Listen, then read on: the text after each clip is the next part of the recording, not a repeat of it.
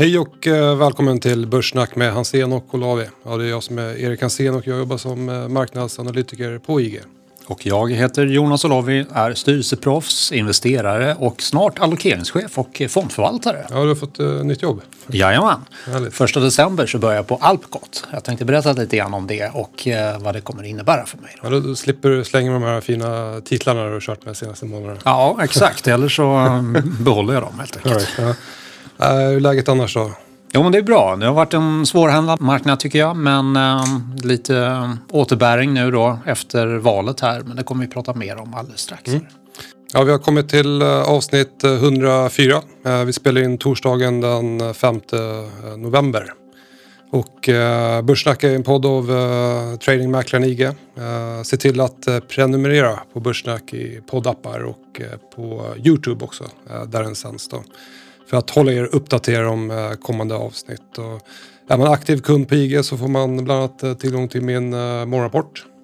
Man får även tillgång till mina webbinar som jag numera kör varannan måndag.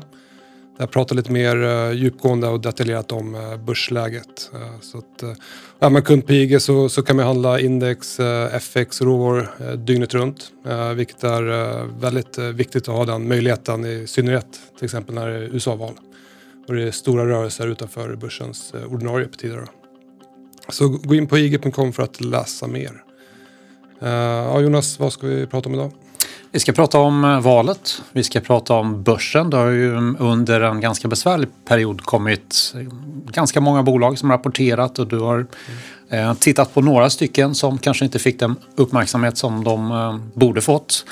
Och eh, det har också varit en eh, undersökning som har gjorts, en liten studie på relativ eh, rapportreaktion där du är lite grann upphovsmannen till det. Så att, eh, det ska vi lyssna lite mer på. Och sen kommer det vara indexförändringar både i Sverige och på finska börsen. Jag kommer nämna några bolag som man ska hålla lite extra koll.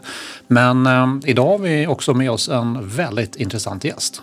Och det är ingen mindre än Maria Ljungqvist från Aktieansvar. Eh, lång erfarenhet av både förvaltning och eh, analys. Varmt välkommen. Tack. Så, som alltid så kör vi fem snabba frågor. Absolut. Och eh, vi börjar med vad tror du om börsen 2021? Kommer den stiga eller sjunka? Svenska börsen säger vi. Sjunka. Okej. Okay. Eh, Riksbanken, eh, tror det finns eh, potential att sänka räntan till minus igen in, inom två år? Potential finns det men jag tror inte de gör det. Okay. Mm. Om vi tittar på långräntorna då, kommer de stiga under 2021? Mycket marginellt. Ni har ju jobbat tillsammans tidigare. Mm. Jag tänkte fråga Jonas, var han den här kufen som satt i hörnet och stirrade på grafer eller var han den här killen som stod i fikarummet och drog rövarhistorier? Han nog det senare tror jag mer va? Är det så?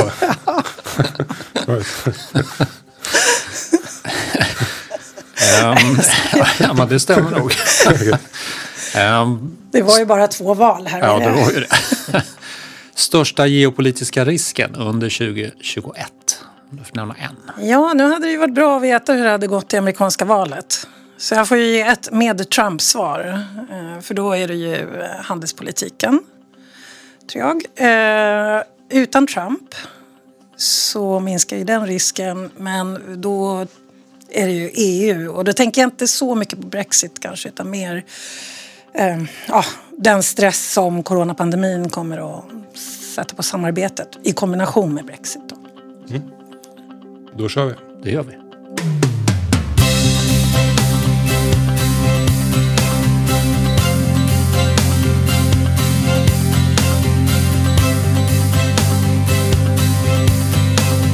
Börssnack med Hansen och Olavi.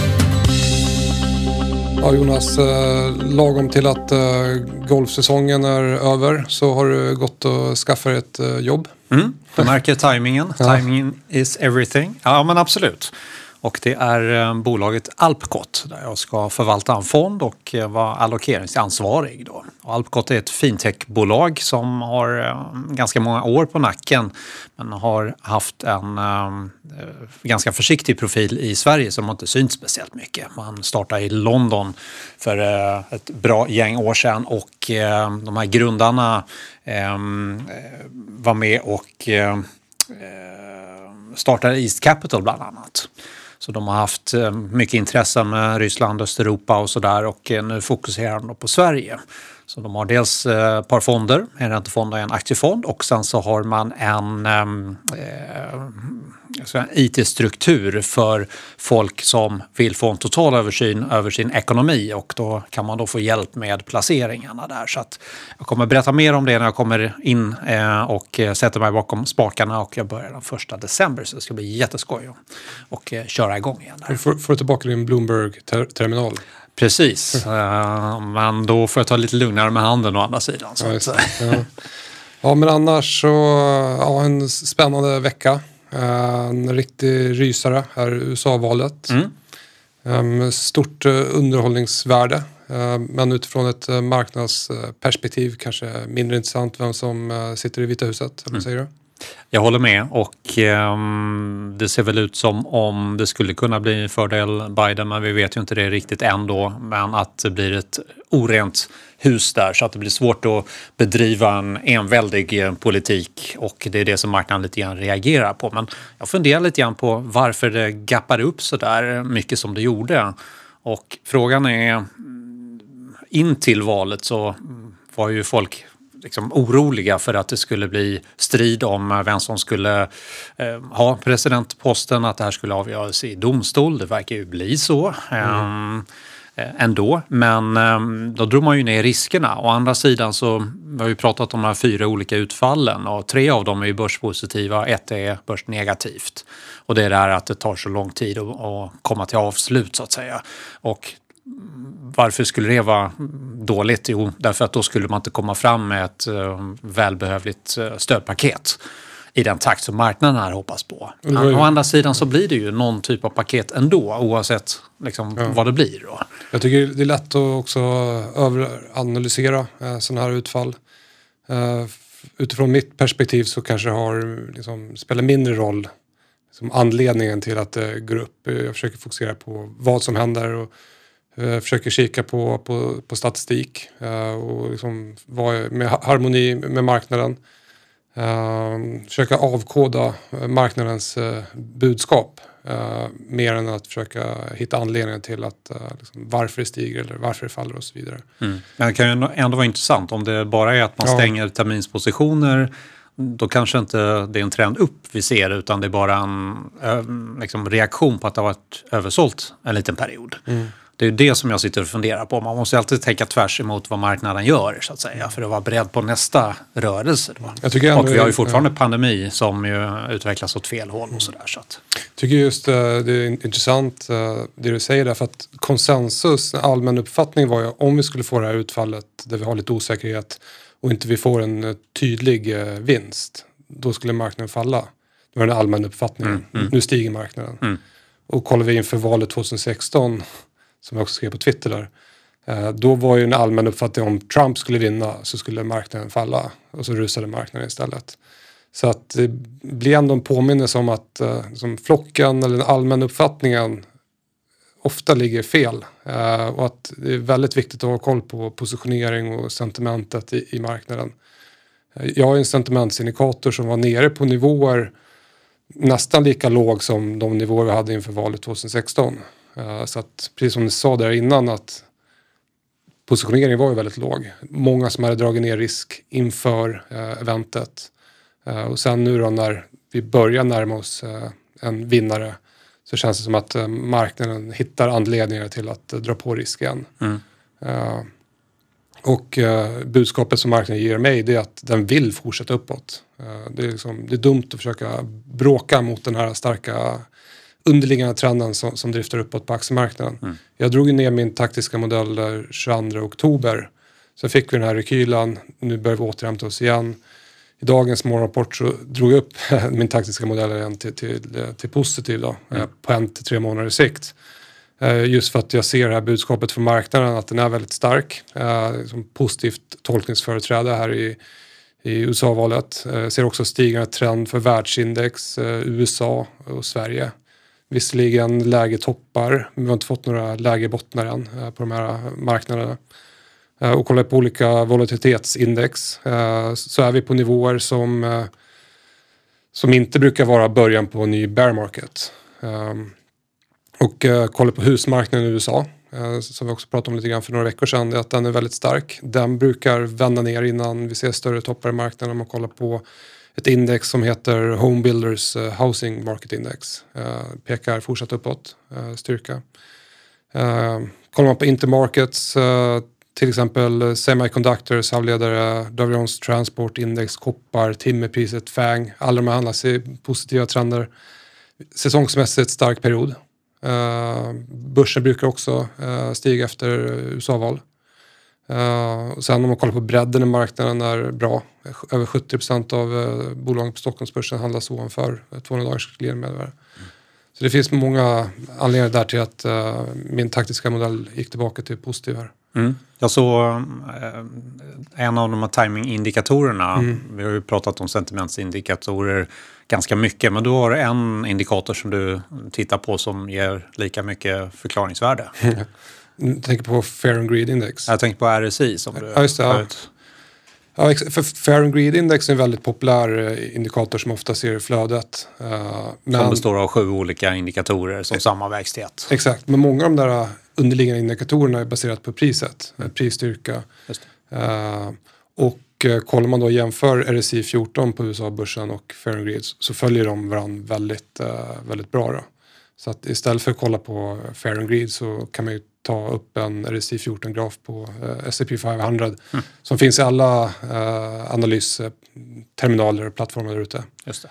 Uh, så Coolt. Att, Fair and Greed Index låter ju mer uh, häftigt. Mm. Du hade tittat på lite bolag där som har kommit i stridens hetta här när det var lite tråkigare börs då. Mm, bolag som rapporterat, är det någonting som du, några bolag du tänker på? Uh, ja, exakt. Uh, lite grann i, i skuggan av uh, USA-valet så har ju trots allt bolagen fortsatt rapportera. och de bolagen som jag hade med här, uh, la upp en graf också på Twitter på onsdagskvällen. Det är, ska vi se, Eh, Sinch, det är Nordic Waterproofing och det är SBB som eh, rankas högst upp där eh, bland veckans rapporter och där fram till stängningskurserna på, på onsdagen. Då. Eh, och då kollar jag på hur aktierna går på rapportdagen mot index, det vill säga relativ utveckling. Så kollar jag även på, på dagen depå då, så att om man får någon follow-through. och så rankar jag de här bolagen och försöker helt enkelt fokusera på, på rapportvinnare. Mm. För det finns studier som visar att eh, de aktierna brukar fortsätta stiga. Mm.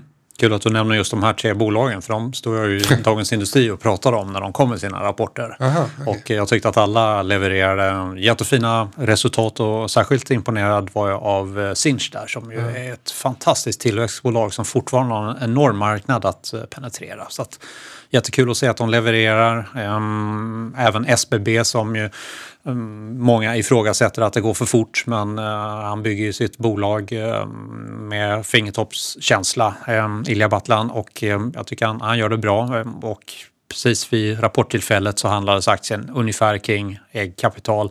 Nu har den skjutit upp och handlas lite till premie och man kan ju tycka att den låga risk som beståndet ändå har skulle kunna motivera en högre premie än eh, den som vi ser i kurserna idag. Då. Så att, eh, bra levererat och man ska ju fortsätta växa det här bolaget som nu är 80 miljarder eller någonting i den stilen i fastighetsvärde. Det ska upp till 125 eh, miljarder har för mig det var eh, till Eh, 2025. Så att det här går ju fort eh, att bygga. Men även då Nordic eh, Waterproofing som jag tyckte levererat ett stabilt resultat under, de här, under den här perioden. Och de var inte speciellt drabbade av pandemin heller då. Nej. Kollar man på Nordic Waterproofing så ser jag att den handlas till P tal på 13 gånger. Man kollar framåtblickande vinst 12 månader. Så att den är ju fortsatt lågt värderad. Samtidigt som aktiekursen uh, visar styrka. Uh, det är en aktie som finns med i min momentummodell. Uh, pratade också om bolaget för några veckor sedan här i podden tror jag. Just det, kommer jag ihåg. Uh, så att, men, men, men apropå just rapportreaktioner, jag, jag noterade en, ett blogginlägg uh, av Carl Ekberg. Han har en hemsida som heter 9ambell.com. Jag kan lägga till en länk i poddbeskrivningen. Uh, och han skrev ett blogginlägg där uh, inspirerat av uh, mina tweets som mm. jag brukar lägga ut på rapportreaktionerna. Mm. och det, det är smart av honom att referera till mig där, vilket gör att jag kommer ge re reklam för hans blogg. till exempel nu. ja, exakt. men men det, det bjuder jag på för att det, det är en bra blogg. och det han kollar på där, det är ju då, jag gjorde en studie på rapportreaktioner. Uh, och eh, jag kan läsa här hans slutsats i det blogginlägget.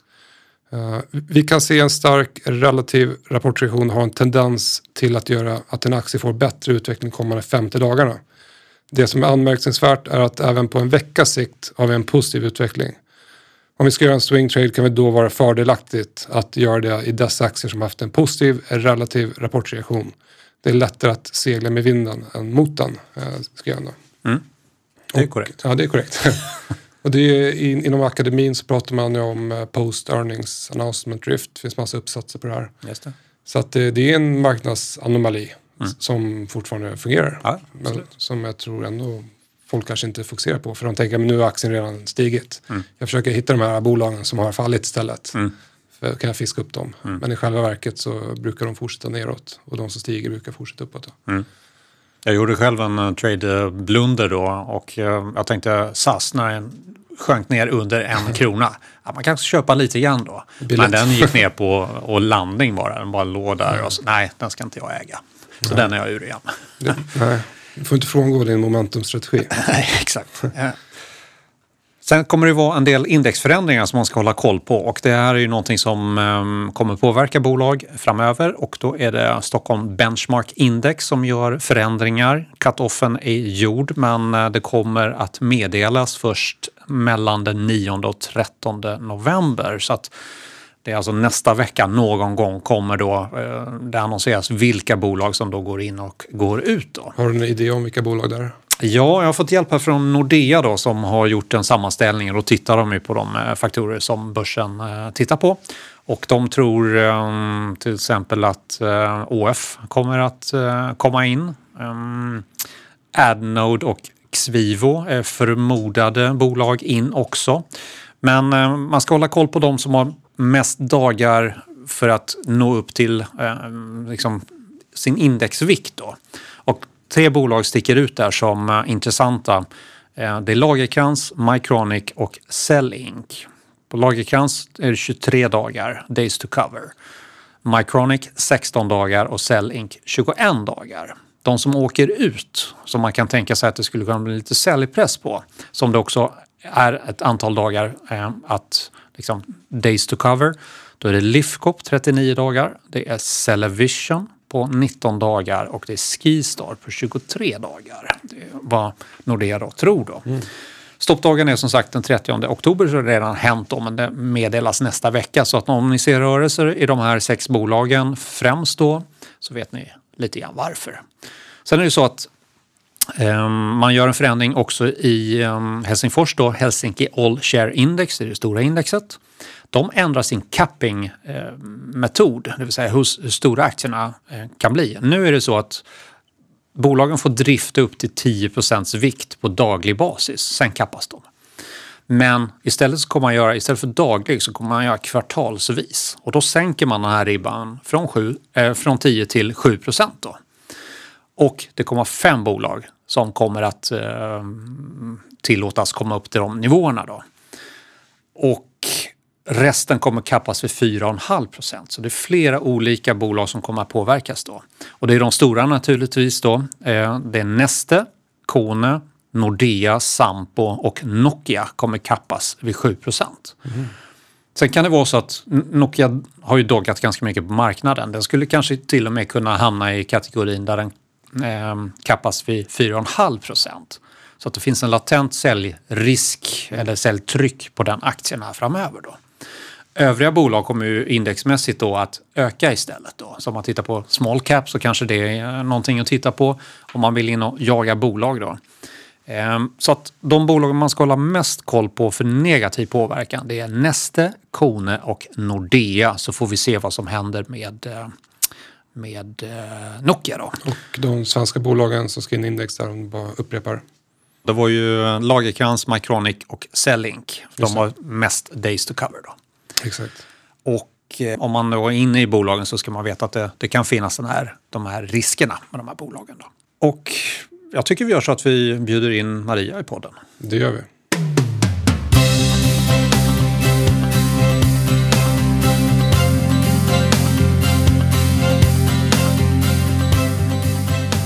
Varmt välkommen tillbaka Maria.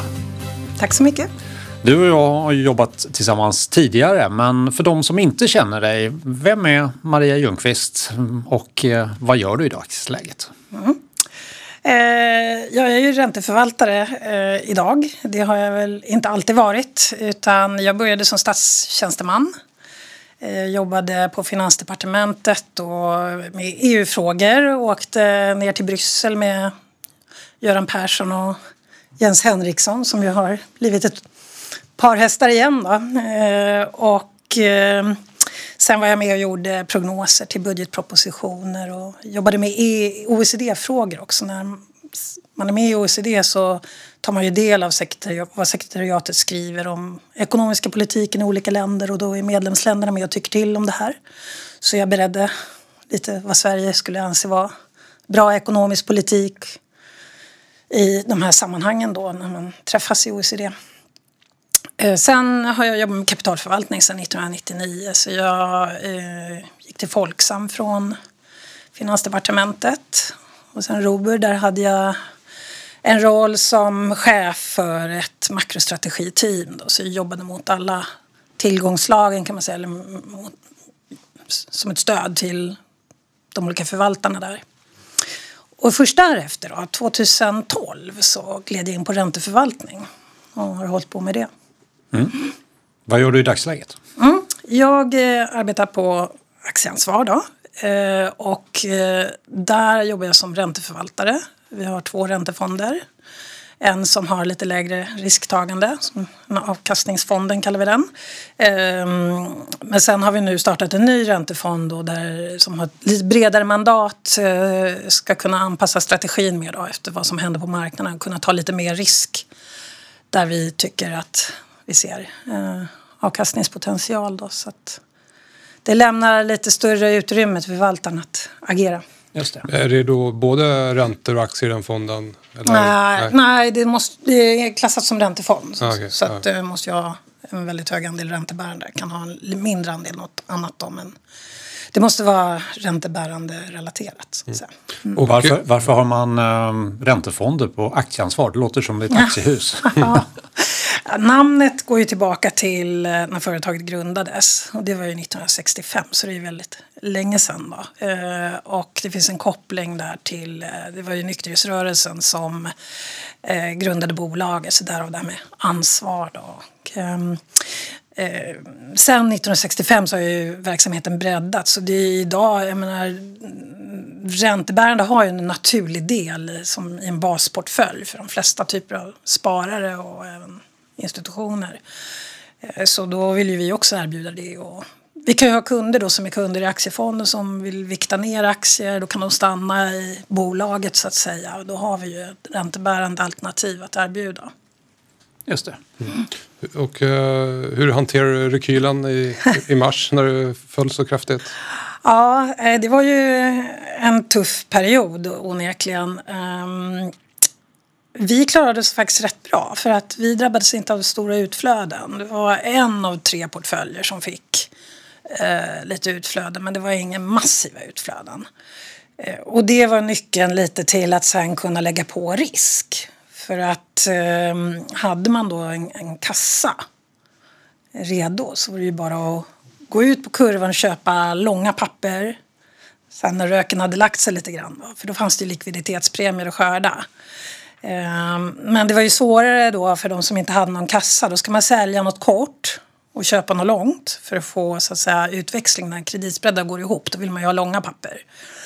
Ehm, men eftersom köp-säljspreadarna gick isär väldigt mycket i, i den här äh, turbulensen som var så blev det ju dyrt att sälja ett kort papper för att köpa ett långt. Det blev ingen uppgivning kvar. Nästan. Det var vissa autos fanns det ju lite brantare kurva då. För man vill ju ha lite pickup när man mm. går ut. högre, högre ränta ju längre man går. Men det var lite svårt då, så att äh, alla kunde ju inte, alla ville ju göra samma sak. Mm. Vad, vad, vad var det i marknaden som ni såg då när ni blev då intresserade att ta mer risk i mm. portföljerna? Vad, vad såg ni i marknaden? Ja, det kan man ju undra med tanke på att det hade slagit till en stor pandemi, uh -huh. eller hur? Men eh, alltså kreditspreadarna gick ju isär mer än vad som var motiverat av fundamenta. Så det fanns ju eh, helt orimliga priser på vissa papper för den som hade pengar redo att handla för. Eh, så att eh, det är klart att det var lite stressat. Man, hade ju, alltså man var ju inte jättemodig förrän man såg att centralbankerna började agera. Eh, men när det väl började ske så lättade det ju upp. Man såg att, det började, så att säga, likviditeten började komma tillbaka och Electrolux bland annat var det väl som var ute och emitterade ganska tidigt. Då. Så att, eh, då var det ju tid att passa på så att säga att, att, att köpa. Men, men eh, och det, jag tycker det var ju köpläge hela våren egentligen. Eh, riskerna fundamentalt hade stigit men det var väl tilltagna kreditspreadar. Hur ska man se på risk då? Du förvaltar ju med hyggligt låg risk mm. med räntefonder. Men mm. vi har haft eh, hedgefondsförvaltaren Sean George mm. som har gått i bräschen och mm. verkligen tryckt på det här med likviditetsriskerna. Mm. Och som du säger då, det fanns eh, fina likviditetspremier att plocka. Det beror ju på att det inte ställs några priser. Hur, hur ska man mm. se på det som investerare? Även om risken har varit låg och volatiliteten har varit låg så när man måste sälja så kanske man inte kan. Nej, Bör man ta med det i de här riskdokumenten så att man förstår att det kan vara lite fara och färde? Det är svårt att fånga likviditetsrisker på ett bra sätt. Ehm, och marknaden är likvid så länge den är likvid och sen plötsligt en dag är den inte det längre. Ehm, det som skiljer mot aktiemarknaden är ju det här att aktier är ju verkligen handlade på en börs på riktigt. Så att säga. Vi jobbar ju i en telefonmarknad. Vi vet ju inte i realtid vilka avslut som har gjorts och på vilka volymer och nivåer. Eh, det får vi ju veta i efterhand. Ehm, så att det är ju kvoterade priser. Det är ju inga exakta avslutspriser som vi ser. Eh, så det är ju att pristransparensen är ju sådär. Eh, och likviditeten, hur den är vet du ju först när du försöker sälja någonting eller köpa någonting. Ehm, jag tror att det är svårt att fånga i något eh, riskmått. Eh, men hela det där gör ju ändå att vi får en chimär av eh, prisstabilitet. Som, det. men det ligger en latent risk. Och nu mm. kommer det ju komma nya riskmått från fondbolagens, som fondbolagens föreningar driver fram. Och den är väl egentligen tänkt, det är tänkt att fånga kreditrisken. Men det kommer ändå säga någonting om tror jag, den här latenta risken för att det är ju ofta bättre likviditet i de bättre ratade eller de bättre kreditkvaliteten. Det är ju ofta börsnoterade bolag och så vidare. Och det är sämre likviditet i high yield och eh, lite mer udda bolag. Eh, och har man high yield har man ju ofta en högre spread och en högre kreditrisk. och det kommer att reflekteras i de här nya måtten då som kommer. Så då blir det lättare för spararen att förstå att jaha, jag har en high yield-fond här. Den kanske inte kommer klara en, en eh, turbulent situation lika väl som en investment grade-fond skulle göra. Mm. Just det. Nej, nej, vi var på Alphaberg, jag kommer inte ihåg om du fortfarande är kvar där, men då sa Dan, Danne Falkeborn mm. som handlar räntor då och eh, korträntor första gången han var tvungen att, att handla med negativ ränta. Han vrålade ut i rummet. Jag kan inte köpa på negativa räntor. Uh, så följdfrågan blir ju då, hur kan man skapa avkastning i ett lågriskmiljö um, när man har den här typen av räntor? Då? Hur, hur, hur gör du till exempel? Ja, eh, lågriskmiljö och lågriskmiljö. Man får ju göra som andra, man får ju ta mer risk då. då. Men, men det kan ju vara lite farligt. Eh, värdepappersvalet blir ju väldigt viktigt då. då för att du, du frestas ju då gå ut på riskkurvan så att säga, till både i löptid men också i kreditkvalitet. Va? Köpa lite mer udda saker. Eh, för att få, jag menar det finns ju eh, bolag som gildar 6-8 procent. Um, så det är ju ett sätt, men då får man vara väldigt selektiv så att man undviker de här konkurskandidaterna. Uh, och det vet man ju inte förrän efteråt om man har lyckats med. Uh, sen kan man ju försöka hitta darlings. Uh, det finns faktiskt obligationer som kan handlas upp till 6-8 procent över sin nominella, mm sitt nominella värde. Mm till och med bolag som ni kanske känner igen, som Stillfront mm, exempel. Så där kan man ju kanske göra en liten trading, eh, alltså man hittar de här darlings eh, som man tror att breda kategorier av sparare kan gilla. Då, för, mm, eller som blir populärt bland fonderna. Ehm, så det, det är ju ett sätt och så går man ur dem när de är på 106 eller 108 eller något och hitta mm. någon ny.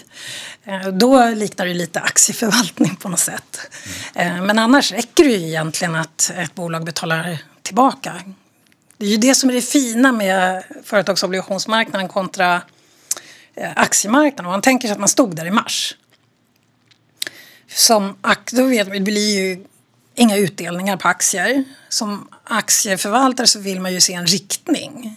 Men på räntesidan så räcker det med att det inte blir sämre egentligen. Att du får tillbaka dina pengar och du får dina kuponger. Då kan du ju surfa på carryn som, som obligationen ger.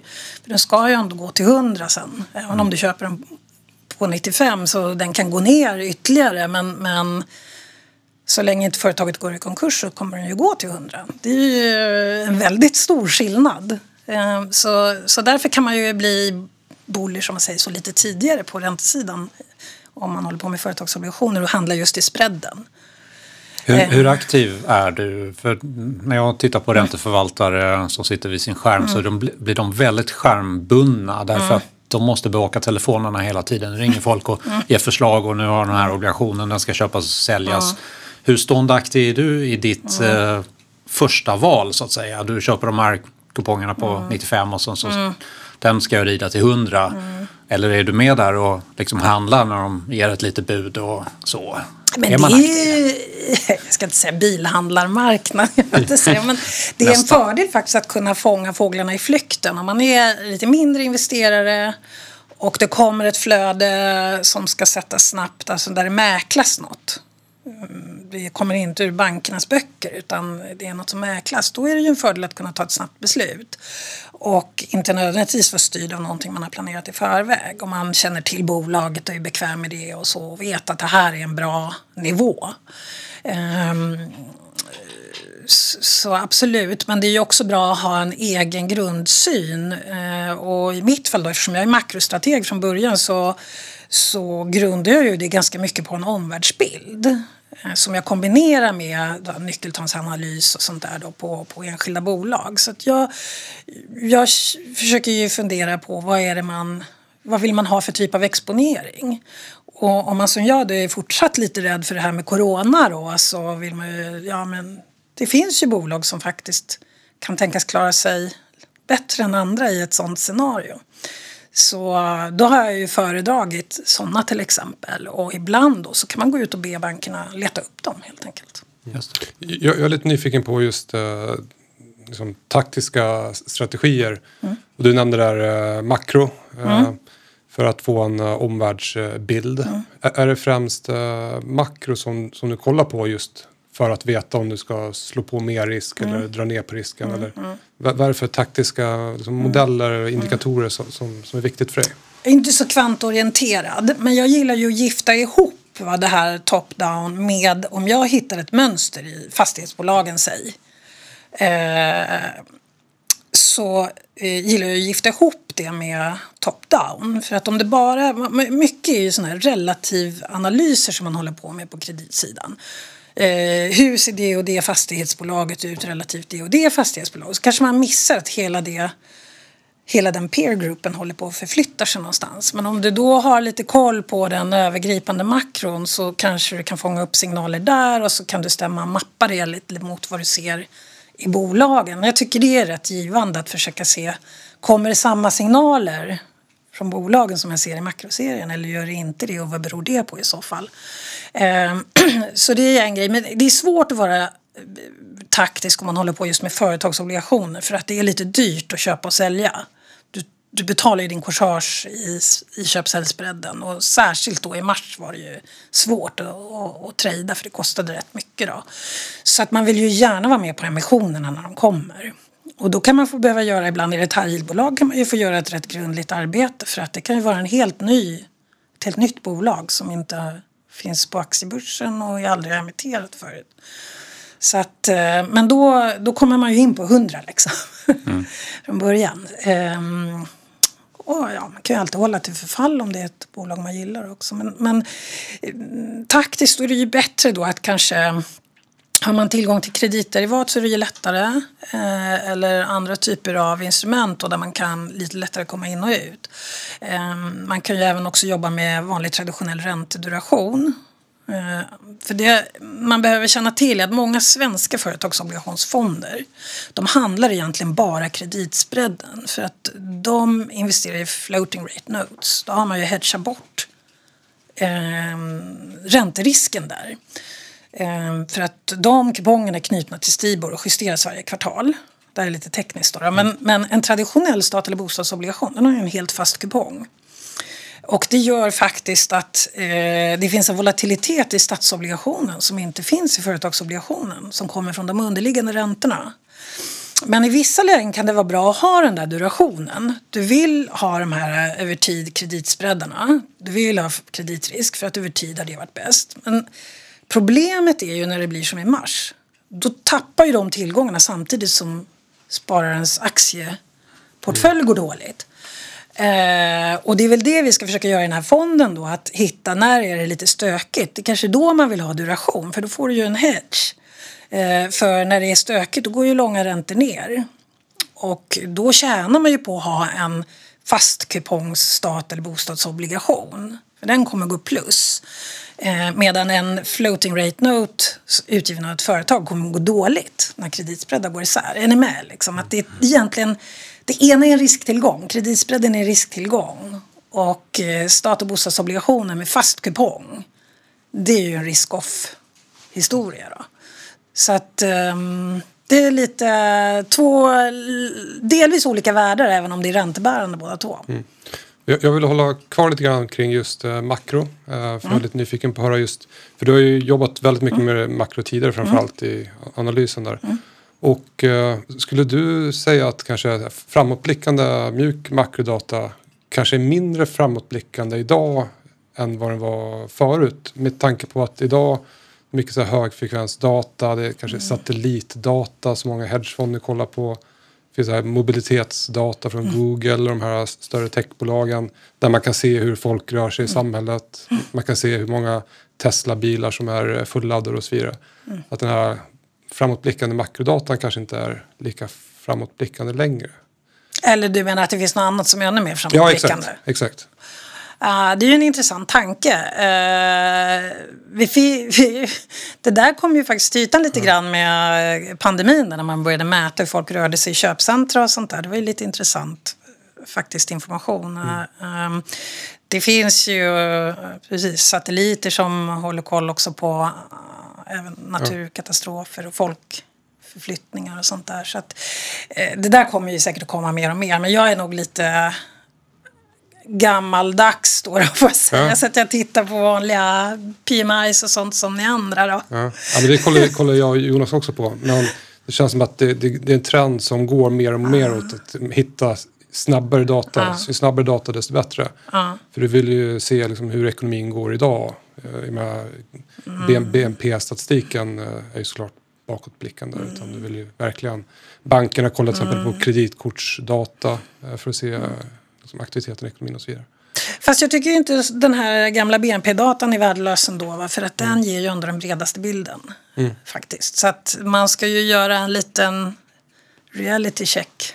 När den Exakt. kommer. Att, Och bekräftat. ja, lite så, Ja. lite så. Och ibland kan ju den överraska faktiskt. Att den ger en annan bild än det man trodde sig ha sett. Så att, eh, ska Ofta är ju börsen eh, framåtblickande och ligger ju då 6 till 9 månader före händelseförloppet. Så att det är ju tätare information till den faktiska händelsen just nu, nu, nu. Eh, Desto bättre förstås utifrån ett aktieperspektiv. Och då blir ju eh, PMI lite förlegat och BNP-datan när den mer kommer alldeles för förlegat. sent, den- har ju redan hänt Men för länge ibland sedan. då. springer ju aktiemarknaden fel eller för långt och sådär. Och det är då man kan få en liten, tror jag, en liten tillnyktring av de här lite mer gamla eh, variablerna. Sen beror det på vad man letar efter. För mig är konkurstrenden ganska viktig då. Och den är väldigt laggande.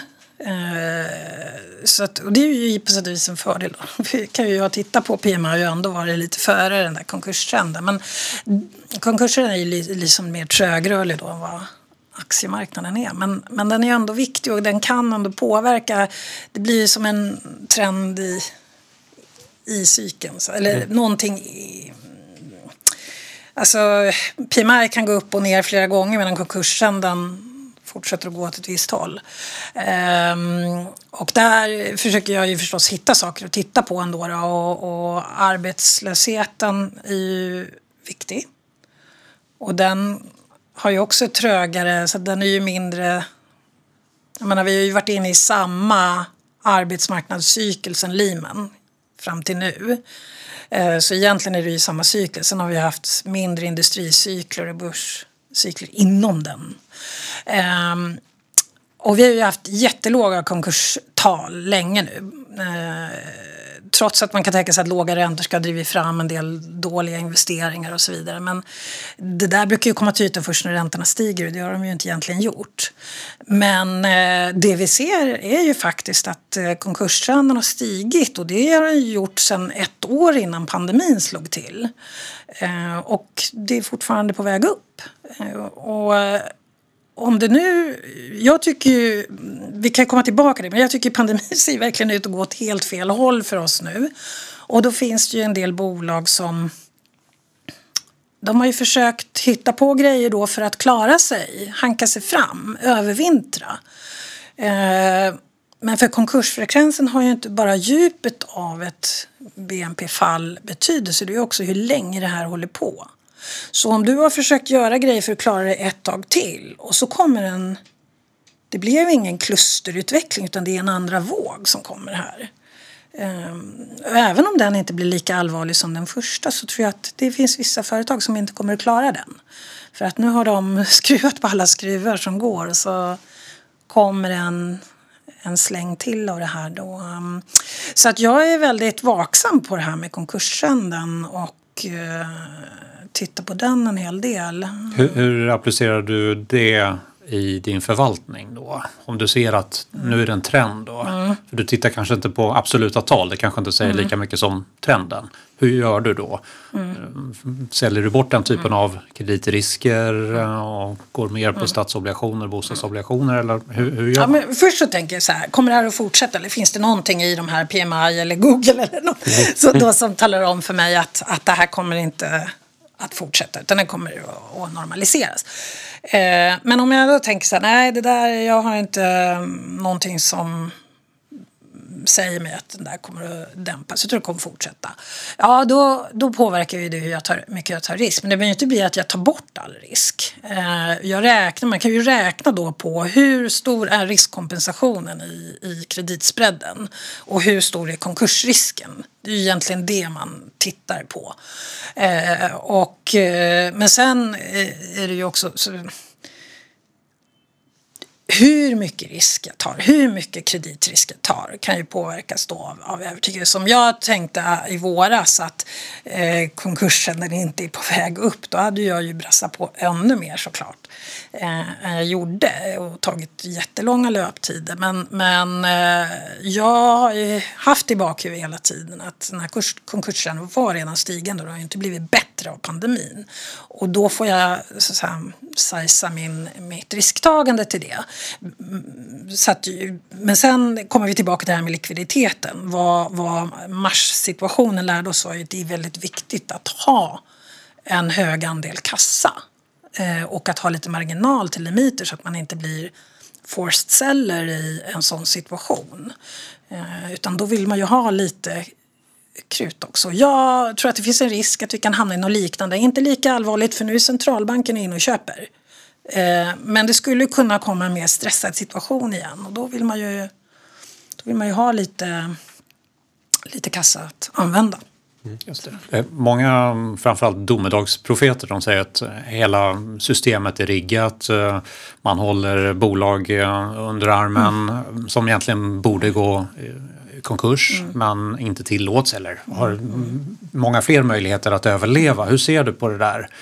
Att man felallokerar resurser um, där det kanske mm. inte allting är livskraftigt? Är det, bör man låta fler bolag gå i konkurs? Eller ska allting räddas till varje pris? Ja och nej. Jag tycker ju att det var helt rätt som Riksbanken eh, gjorde där att gå in och köpa bostadsobligationer i mars. Eh, trycka ner räntorna som vi möter när vi ska låna pengar vi, som individer. Eh, sen har de ju gått vidare och köpt företagsobligationer. Jag tycker tajmingen på det var ju inte idealisk. För att de har ju kommit in och börjat köpa de här företagsobligationerna i september när marknaden har blivit dyr igen. Och likviditetsstressen är borta. Men det var ju för att de inte riktigt var förberedda. Det här var ju jungfrulig mark för Riksbanken. Eh, så att de har behövt lite förberedelsetid. Ehm, men sen har de nog försökt, lite som du är inne på där, att stimulera. Det är därför de inte de, har nog bestämt sig att försöka att inte sänka styrräntorna under noll. Utan istället jobba med marknadsräntorna så som ECB och Fed har gjort i flera år. Och eh, nu har turen kommit till företagsobligationer. Så att det man har försökt göra tror jag är att man har försökt hålla kvar de här som, bolagen som är etablerade på företagsobligationsmarknaden, om vi pratar Sverige nu, de har man försökt hålla kvar där. De ska, att de skulle fortsätta fanda sig där, för det blev ju stopp. Det var ju ingen som emitterade förutom då några enstaka investment grade. Men, men i våras var det ju inga små fastighetsbolag eller mm, inte heller de större fastighetsbolagen som emitterade överhuvudtaget. Eh, men genom sitt agerande då så har ju Riksbanken låst upp det så att eh, de har kunnat komma tillbaka till obligationsmarknaden. Då tror jag det man har velat uppnå från Riksbankens sida är att eh, alltså, mindre bolag som inte har tillgång till företagsobligationsmarknaden, de ska inte trängas ut ur bankkanalen.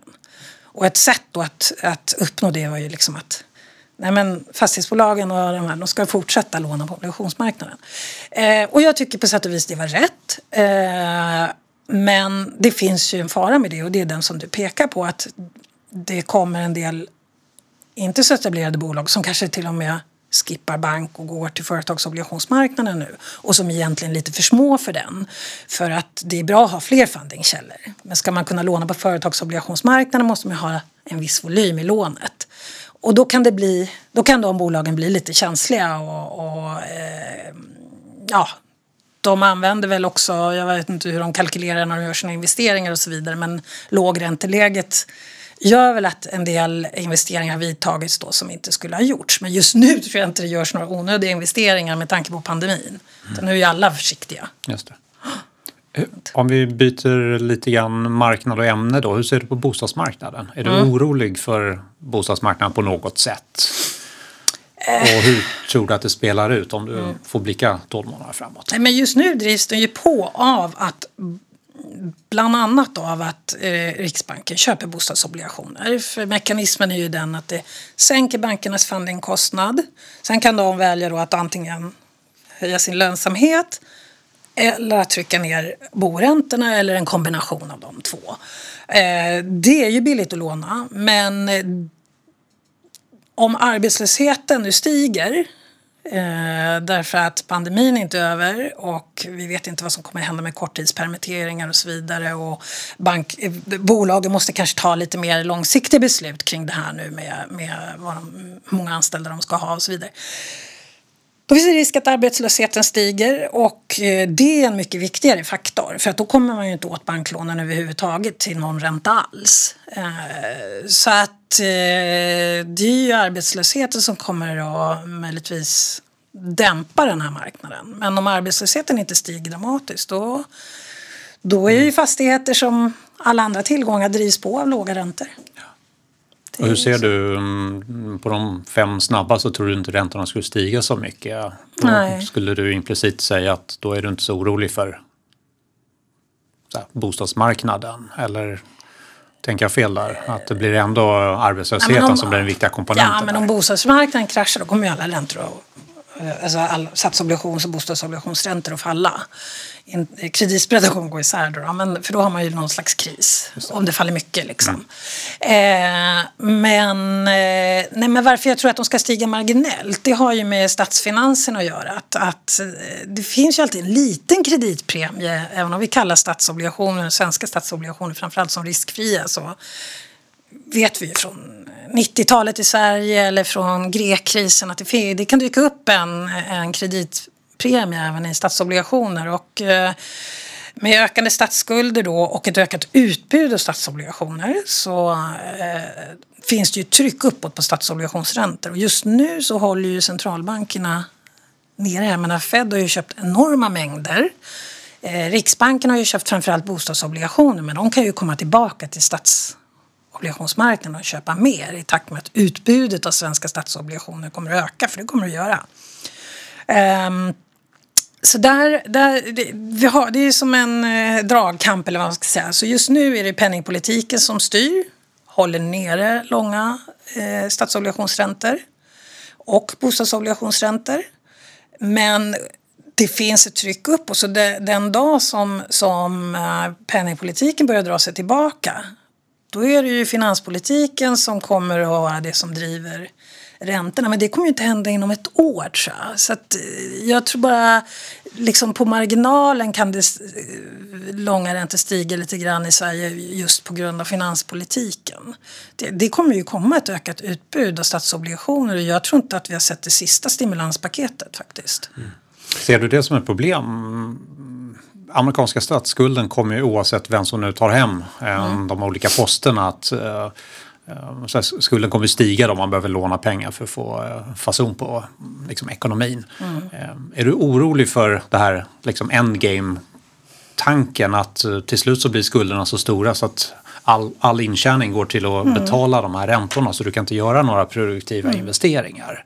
Ser du liksom ett hot där om vi tittar några ytterligare år framåt då? Ja, men det är klart att det är en fara och USA kan ju hålla på mycket längre än vad till exempel Sverige kunde under 90-talet. För dollarn är dollarn, så att säga, det vet vi. Men det måste ju finnas någon bortre gräns även för en amerikansk statsskuld, så att säga. Vad, hur- det finns ju vissa nivåer när man de facto inte, så att säga, man har inte kontroll på statsskulden där då Italien och Grekland har varit och där vi var på 90-talet. Men det går ju att komma ur det, det har ju Sverige visat. Eh, men det kräver vissa saker. Ehm, så att, eh, och där är inte USA nu utan det är ju fortfarande liksom mer stimulanser och, som står på agendan. Sen i vilken takt de kommer återstår ju att se. Då. Det beror ju på det politiska utfallet här nu då. Eh, Så det ska hända ganska mycket innan vi börjar se några konsolideringsprogram i USA. Men, men, men det går att göra det här, det gör ju det. Men Och vi har ju är- stor glädje av det nu i Sverige. Jättebra utgångsläge att kunna använda finanspolitiken här. Mm. Vi tacka Göran Persson för. Ja. Faktiskt. Men, men tänker man valtaktiskt så är det ju inte någon bra idé att sänka kostnaderna och höja skatterna. Då blir du inte återvald. Um, Och det är ju mycket mer fragmenterad politik. Det är bara att titta på amerikanska valet eh, som har blivit än, än mer polariserat. Och uh, tittar vi i Europa så är det väldigt fragmenterat. Det skapar väl också en utmaning att ta tag i de där problemen. Men Sverige visade ju att det går att gå till val på ett konsolideringsprogram. För det gjorde ju Göran Persson. Så att det går det beror ju på. Alltså situationen måste ju bli tillräckligt stressad. Eh, innan det, den, den politiska miljön uppstår. Eh, det fick ju gå ganska långt i Sverige innan, innan det var möjligt att gå till val på det sättet. Men, men eh, Det gick ju. Ja. Det är kanske först när inflationen tar fart ordentligt som centralbankerna får egentligen incitament att uh, dra tillbaka, uh, liksom strama åt. Mm. Uh, är det just det som du kanske ser som risk också framöver? Att det, det är först när inflationen tar fart mm. som centralbankerna måste strama åt? Jag tror att de kommer försöka innan. Mm. Det såg vi att USA försökte göra och, ECB också. Så att, eh, man kommer försöka innan för man vill ju inte ta onödiga inflationsrisker mm. såklart. Eh, men acceptansen för att ta inflationsrisken har ju ökat. Ja, för Fed har ju förändrat sitt mål. Ja, exakt. Det är ju mm. eh, ett, led i det, ett led i den utvecklingen, absolut. Eh, nu har vi ju sagt ganska länge då att den här penningpolitiken kommer ju leda till inflation och så småningom högre räntor på grund av hög inflation och det har ju inte hänt. Men det är ju vissa saker som är nya nu. Dels har vi ju en situation när handels, internationell handelsintegration inte längre eh, blir så att säga, tätare och tätare eller bättre och bättre. Utan tvärtom, pendeln går ju åt andra hållet just nu. Vi får se vad som händer då beroende på om det blir Biden eller Trump. Eh, blir Biden så kommer ju det att förbättras. Då kommer ju samtalsklimatet mellan USA och EU bli fantastiskt mycket bättre. Trump har ju bränt många broar mm, i sin crusade, eller vad man ska säga, mm. mot eh, sitt korståg mot Kina. Då. Eh, så att det skulle jag se fram emot, bättre handelsrelationer. Men just nu så har ju pendeln då gått åt andra hållet. Eh, det här är viktigt för inflationen därför att jag menar den här bättre integrationen och ökade handeln har ju varit med och drivit ner inflationen och det har ju inte bara varit dåligt, det, det har ju varit bra också. Eh, men sen har vi också det här med statsskulden. Då. Att, alltså jag tror ju att räntor kan ju stiga även utan att inflationen, jag tror att det kan vara realräntorna som stiger då. Eh, att till exempel tioåringen stiger medan Fed har kvar sina korta räntor? Ja, alltså korta ja. räntor är ju alltid mer kopplade till vad penningpolitiken gör. Eh, medan eh, de globala är styrda av fler faktorer och mer internationellt drivna. Och jag tror också att det här ökade utbudet av statsobligationer kan tendera att komma i den långa änden så länge kurvan är hyfsat flank. Om vi kollar lite så här kortsiktigare perspektiv, eh, liksom marknadsreaktioner på USA-valet till exempel. Där ser vi att uh, aktiemarknaden rusar mm. samtidigt som uh, långa tioårsräntan mm. till exempel i USA då, mm. har ju fallit tillbaka ganska kraftigt. Mm. Hur uh, kan du förklara den dynamiken? Varför liksom, långräntorna faller och aktiemarknaden rusar? Ja, alltså aktiemarknaden kan jag inte förklara. Nej, men det var väl eh, kanske var det lite kortsiktigt översålt där då. Det får väl ni fundera på.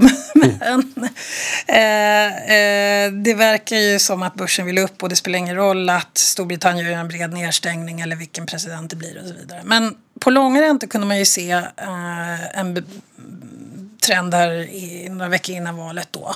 Man tänkte på en blue sweep då.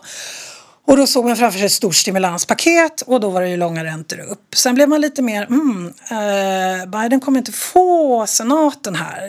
Mm, Okej, okay, så det blir Biden men han kommer inte kunna lägga ett stort paket. Så då var det ju räntor ner och sen bara, nej men det kanske blir Trump. Han kan lägga ett finanspolitiskt paket. Så då var det lite räntor upp och sen bara, Nej, men det blir nog Biden. så jag tycker ju ändå att eh, ja, men räntemarknaden har ju tagit in informationen och, och reagerat utifrån hur läget har sett ut. Om man nu ska försöka läsa in någonting i det här efterhand. Men, men äh, aktiemarknaden vet jag inte riktigt. Och, och det har ju gjort också att kreditspread har ju rört sig mer alltså som börsen då, som en risktillgång här. Har de gått ihop där då? Ja, alltså de, de gick ju isär då när börsen föll när ni hade er förra podd. Mm. Det var ju det temat att börsen var ner så mycket. Va? Mm.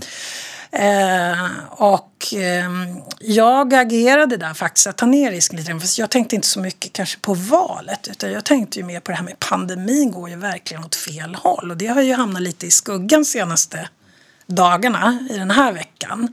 Att man inte ens bryr sig om att Storbritannien faktiskt gör en bred nedstängning även om den är mer light än i våras. Men det är en ganska stor grej ändå. Eh, så att eh, sen fick jag marknaden emot mig här då. Eh, för att eh, nu har ju kreditspreadar gått ihop då när börsen handlar upp. Så Så det blev ingen bra timing på den här justeringen då. Men jag, jag är ju, ja, det, det är svårt att tajma sånt här faktiskt. Det var ju mer tänkt lite som en hedge då mot att det verkligen smäller till där med coronan. Jag är mer inne på det här med corona. känns Mm. Ja, nej, men det är intressant. Det, Vi gör så att vi tar ett par avslutande frågor eh, till Maria. Eh, finns det några eh, insikter eh, som du har idag som du önskar att du hade tidigare i din karriär? nej, jag satt... Ja, nej, det är svårt att fundera. Ja, alltså... Eh, när iTrex går eh, runt till 40 då kommer den gå isär. Det är en insikt jag har kommit till. Den är inte så avancerad men eh, nej, jag vet inte. Jag, när jag satt på Robur då läste jag enormt mycket sådana strategirapporter från alla stora bankerna och BCA och de här. Eh, och en liten sån här grej som jag kände igen då från när jag satt på Folksam under IT-krisen det är när de där strategirapporterna har en högre andel rubriker som börjar med en fråga. Då, då kan man börja ana lite ugglor i mossen så här att nu, nu är det någon nu börjar det bli, bli svårbedömt här. Och eh, den mest klassiska sådana rubriken har jag faktiskt sparade jag. Det var Lehman Brothers som i sista skälvande minuterna var det någon strateg där som kom ut med en rapport som hette When will liquidity return? Och svaret på det var väl eh, i deras fall never. men, nej, men så det är väl en sån där liten att, att eh, ja, när folk börjar ändra värderingsmått och säga att saker är old school och sådär ska man också vara lite vaksam. Tror jag. Ibland finns det fog för det men ibland är det bara ett sätt att handla upp börsen lite till. Hur eh, kopplar du bort från marknaden? Stressad eh, marknadsmiljö, massor med risker. Hur gör du för att ta det lugnt? Ladda batterier. Ja, ehm, ehm, det finns väl vissa lite mer sportiga aktiviteter och andra lite mindre sportiga aktiviteter. Jag gillar ju att åka längdåkning och paddla. Och eh, det kan man ju kombinera med en bra ljudbok. Eh, annars är det väl dålig tv är ju rätt avkopplande faktiskt. Riktigt dålig tv. Har du någon sån här guilty pleasure som du kollar på? som du skäms över? Ja, alltså, det här är ju ganska länge sedan. Då kollade jag på en gammal australiensisk version av den här kvinnofängelset. right. ja, men den hade ju hela mänskliga psykologin med top dogs och underdogs. Och, ja, då... Psykologiska aspekten är alltid intressant, även på marknaden. Så är det. Mm. Maria, stort tack för att du kom till vår podd. Tack. Stort tack.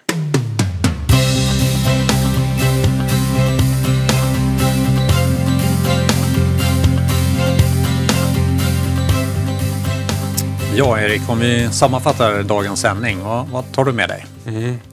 Nej, men, eh, en eh, speciell eh, marknadsreaktion på USA-valet skulle jag ändå säga.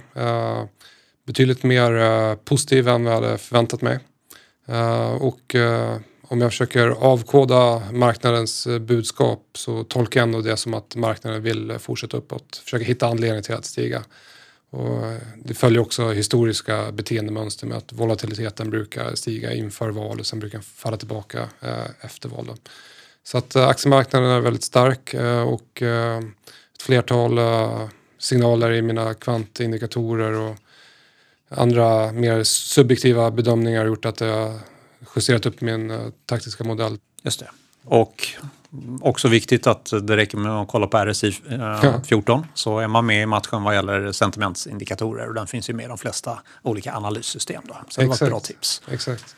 Och du hade med dig lite aktier som kan vara intressanta. Precis, ehm, det blir indexförändringar då. Håll koll på Lagercrantz, Macronic Cell Inc, Lifco Cellavision och Skistar. Och tittar du över Östersjön så har du eh, Neste Kone och Nordea att hålla lite extra koll på. Samtalet med Maria, vad tog du med dig? Mm. Det var jättekul att få, få träffa henne och eh, få lite insikt i hur en erfaren uh, ränteförvaltare eh, tänker och agerar. Eh, hon eh, verkade vara lite orolig för eh, pandemin som, går åt fel håll. Den har ju hamnat lite grann i skuggan av USA-valet som har tagit all uppmärksamhet i, i media såklart. Då. Så att, hon verkar ändå lite, lite försiktig där Mm. kring just pandemin. Tolkar henne som att hon är fortsatt ändå positiv till bostadsmarknaden så länge Riksbanken köper obligationer som, som pressar räntorna. Men skulle eh, arbetslösheten eh, fortsätta stiga då, så är det den viktigaste faktorn då, eh, eller risken för bostadsmarknadens uppgång.